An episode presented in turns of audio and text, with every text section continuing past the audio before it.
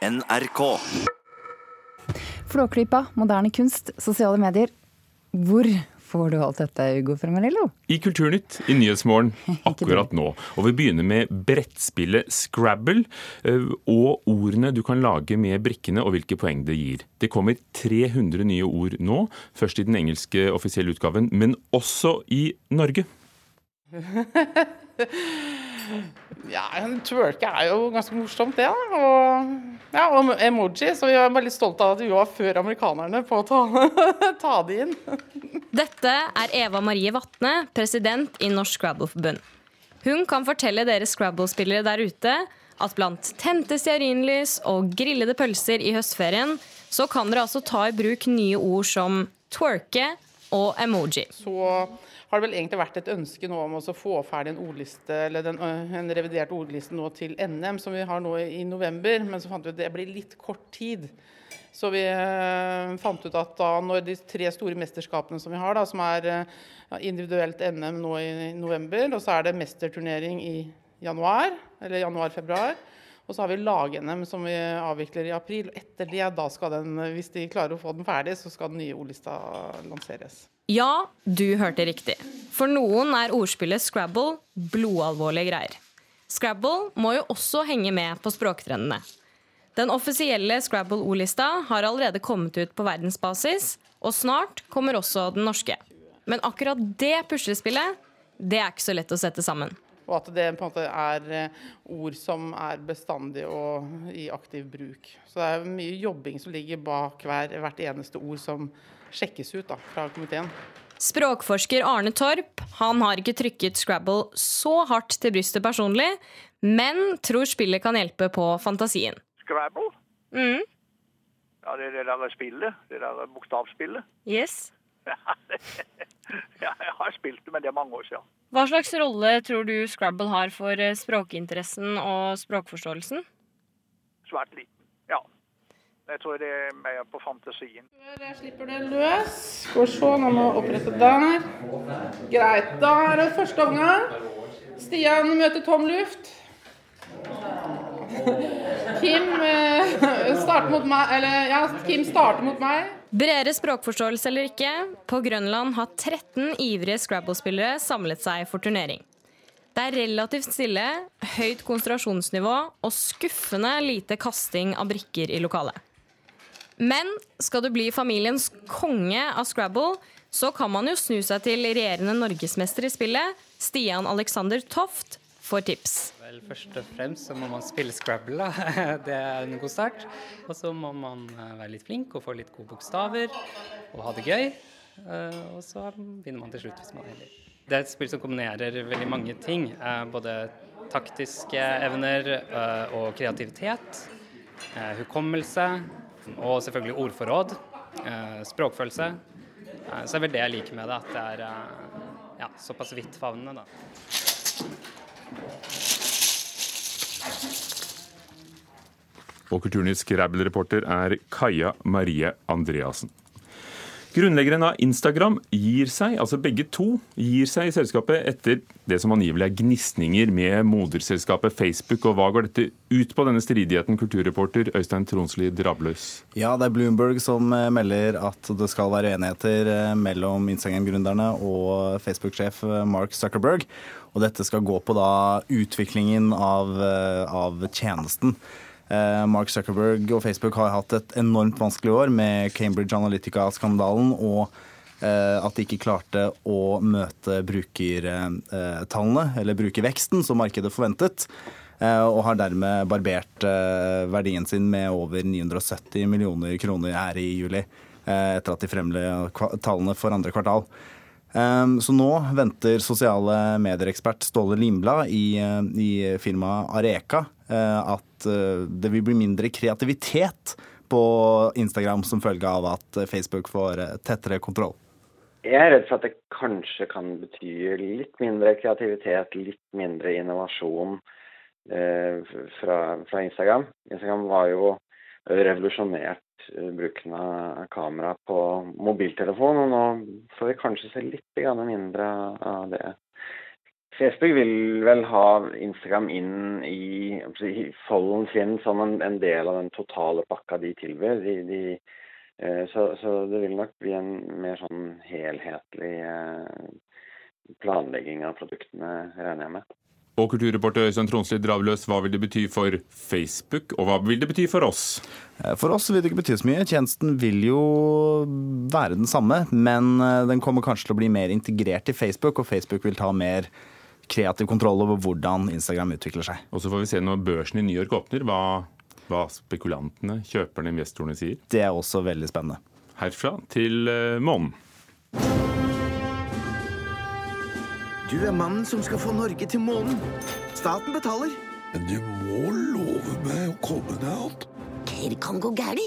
Tre, to, én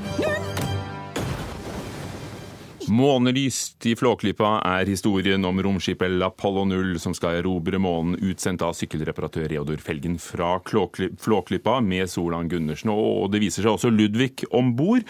Rasmus A. Sivertsen, regissør. Ja, hva syns du? Hvordan er det blitt selv?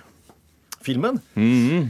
Nei, dette har vært en veldig morsom eh, produksjon. Det er jo den tredje og største eh, filmen, så eh, det har vært eh, veldig gøy. Og vi har jo jobba veldig mye med å prøve å få frem eh, alle disse her detaljene som Kjell Aukrust har i tegningene sine, og få det inn i denne raketten. Og Nei, jeg syns det har blitt øh, ganske gøy. Altså. 88 000 så den i helgen. Dette er den tredje av de filmene dere har laget, og det blir den siste. Hvorfor blir det den siste?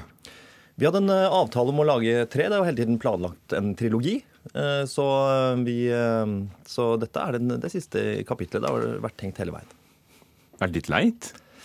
Altså, Jeg syns jo det er litt rart og vemodig, jeg. altså, at Nå har jeg jobba med dette her i snart ti år. Og fått lov til å holde på med Kjell Aukrusts utrolige univers så lenge. Det har vært ja, veldig takknemlig for at jeg har fått lov til det, faktisk.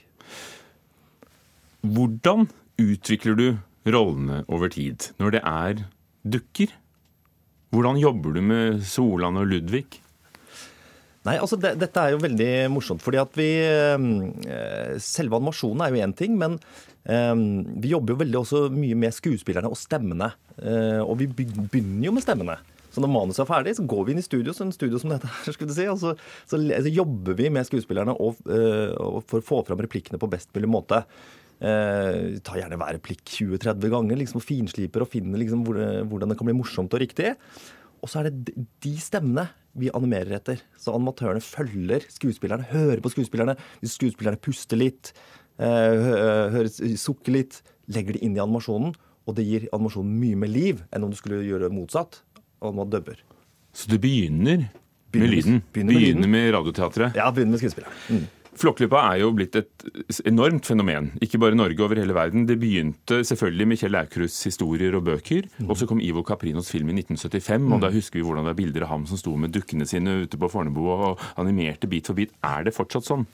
Ja, det er det akkurat sånn, faktisk. Vi har nok noen flere hjelpemidler enn det han hadde i sin tid, men det er fortsatt, filmen er laget bilde for bilde. Flyttet på en dokke, tatt et bilde. 120 000 enkeltbilder. Og vi har brukt over et år bare på å flytte på disse dokkene på den filmen her. Og jeg må bare si man får jo vanvittig respekt for Ivo Caprino når man tenker at han og én til lagde en hel film alene på fem år. Det er helt utrolig. Og dere har gjort det på Vi brukte tre, og da filmingen tok ett år. NRKs kritiker sier at her er det rikt med referanser til Apollo-ekspedisjonen i virkeligheten, Stanley Kubricks En romodyssé. Er, det en, er det en voksenfilm, eller er det en barnefilm? Det er, en film for uh, hele familien, for alle aldre. Kjell Aukrust skrev jo ikke spesielt for barn, han skrev jo for uh, voksne. Så vi håper at vi har tatt vare på den, på hans stil og tradisjon her. Skjeler dere til hva, hva ville Kjell Aukrust ha, ha, gjort, når dere skriver historien, du og, og Karsten Fulle, som har skrevet manuset? Karsten Fulle har skrevet manuset. Han er jo Kjell Aukrust-ekspert. Eh, mye av det du ser i filmen, er, er rett fra Kjell Aukrust. Når de er oppe i verdensrommet der, og Solan snakker om universet, så er det hentet rett ifra en av Kjell Aukrusts bøker. Så det gjør vi helt klart. Takk skal du ha. Rasmus A. Sivertsen, regissør av 'Månelyst i Flåklypa', den siste i serien av dem dere har laget, som åpnet i helgen på, på kinoer. Høstens store utstilling på Astrup Fearnley-museet i Oslo viser bilder av Fredrik Wærslev. Han er allerede anerkjent, og vår kunstkritiker Mona Pale Bjerke forteller oss hvorfor. Ja, han tilhører en gruppe som vi gjerne omtaler som nykonseptualister. Altså Konseptualister er jo folk som jobber med ideer. I likhet med stallkameratene på Galleri Standard Oslo, så er han kjent for å skape verk som refererer til hverdagsgjenstander, eller en slags hverdagsestetikk, samtidig som det minner om et uttrykk fra abstrakt ekspresjonisme på 50-tallet eller minimalisme på 60-tallet. Et objekt som har eksempelvis fascinert han, er markisen. Eh, et funksjonelt, men lite iøynefallende stykke hverdag, kan man si. Og denne type maleri ser vi mye av i den aktuelle utstillingen. For to år siden var eh, Fredrik Werslev festspillkunstner i Bergen, og da var det mange som fikk med seg at han laget et 56 meter langt maleri, 'Solnedgang', Skjønt det besto av flere enkeltmaleri, men satt sammen til dette store bildet. Eh, og som du var innom, markisene, noen kaller han for markisemaler. Det sier han selv er en anerkjennelse. Men hva er det med markisen som fascinerer ham? Ja, det er jo dette at markisen skygger for solen, men ved å stenge solstrålene ute, så gjør det jo utsikten uh, vår bedre. I tillegg så kan man si at markisen på en måte forteller om et paradoks i vår måte å opp oppfatte våre omgivelser. Det er, nett, det er, nettopp ved å sile og sortere sanseinntrykkene våre at vi kan forstå og oppfatte verden. For den rene sansningen er jo blind. Og dette er jo egentlig en grunnleggende erkjennelsesfilosofisk problemstilling som Werslev på en måte tar opp da med disse eh, markisebildene sine. Det er jo i en forstand slik at maleriet tradisjonelt har fungert som en slags markise eller en slags forheng som vi ruller ned foran våre øyne for å forstå og erfare verden eh, på en mer dyptloddende og sannferdig måte. Gjennom alle tider så har jo malere forsøkt å gripe noe essensielt, noe som ikke ikke lar seg erfare gjennom hverdagens flyktige erfaringer. Så vi vil aldri se på en markise med de samme øynene etter å ha besøkt eh, denne utstillingen? Nei, jeg tror vi får øynene opp for på en måte de små maleriske øyeblikkene i hverdagsestetikken etter å ha sett på Fredrik Wertzlevs kunst. I Bergen brukte han en, en, sånn maskin man bruker for å merke veier, for å lage disse enorme bildene. Men hvordan, hvordan lager han disse på Astrup Fearnley-museet? Han skaper jo ofte sine bilder med maskeringsteip og sprayboks. Eh, og skaper da disse klare, vertikale stripene som kan få en til å tenke på 60-tallskunstnere som Barnett Newman eller Bridget Riley. Eh, men han er også svært inspirert av Edvard Munch og måten Edvard Munch satte bildene sine ut i den store eplehagen på Ekeli. Og så Fredrik Weislev bruker sol og regn og vind eh, til å forme bildene, og inviterer naturen inn som medformgiver i eh, skapingen av bildene sine. Det gir jo selvfølgelig en ekstra dimensjon for kunsthistorikere som deg, men bør man kjenne til Bridget Riley eller Barnett Newman for å ha glede av det? Nei, men man, kan, kanskje, man tenker kanskje bare umiddelbart på abstrakt kunst, da. Eller en type sånn eh, ren rene, enkle, abstrakte bilder som man kanskje har sett. Så man trenger ikke kjenne disse navnene, men man ser liksom å ja, det ser ut som abstrakte bilder som man har sett før. Og så strekker han en hånd ut til publikum, kunstneren Fredrik Werslev. Ja, ikke sant? Hver gang jeg kommer på en utstilling i en større institusjon, så får jeg en sånn bag, en sånn tekstilbag, og der hvor det står navnet på kunstneren, og hvor man får kanskje en katalog og noen pressemateriell. Denne gangen er denne bagen et kunstverk i seg selv. Eh, noen av dem er signert, tanken var at de skulle signeres, men de er da alle sammen nummerert slik som grafikk er, og tanken er at vi besøkende eh, publikum skal bruke denne bagen kanskje et par år, få litt sånn sminkeflekker på den eller en T-flekk, og liksom skape vår patina på dette og delta i dette kunstverket. Og så kan vi siden spenne det opp på en eh, blindramme. Og så har vi et lite Fredrik Wertzlev-kunstverk. Som kunstkritiker så måtte jeg selvfølgelig undersøke om denne var noe verdt, for hvis ikke så kunne ikke jeg ta den imot. Men det er den selvfølgelig ikke. Dette er jo en sånn typisk demokratiseringsgrep som sprer kunsten ut til folket. Det er et utrolig fint grep i utstillingen utstillingen, syns jeg. Får vi se hva de er verdt om 20-30-40 år. Hva vil han si med utstillingen? Nei, han er jo opptatt av nettopp disse type maleriske glimt i hverdagen. Disse små øyeblikk, eh, f.eks. grått metall som skinner gjennom avskalling i blåmaling, en trillebår eller en eh, solblekkduk. Disse små eh, hverdagsskapte maleri, maleriene i virkeligheten. Og det er jo på en måte disse han etterligner da, når han skaper bilder som ligner gulv eller markiser eller vegger. Eh, og det er et utrolig spennende malerisk prosjekt som Fredrik Weitzlev eh, presenterer. Vår kunstkritiker Mona Pale Bjerke om Fredrik Weislev på Astrup Fearnley-museet i Oslo, som eh, kan ses helt til 6. januar.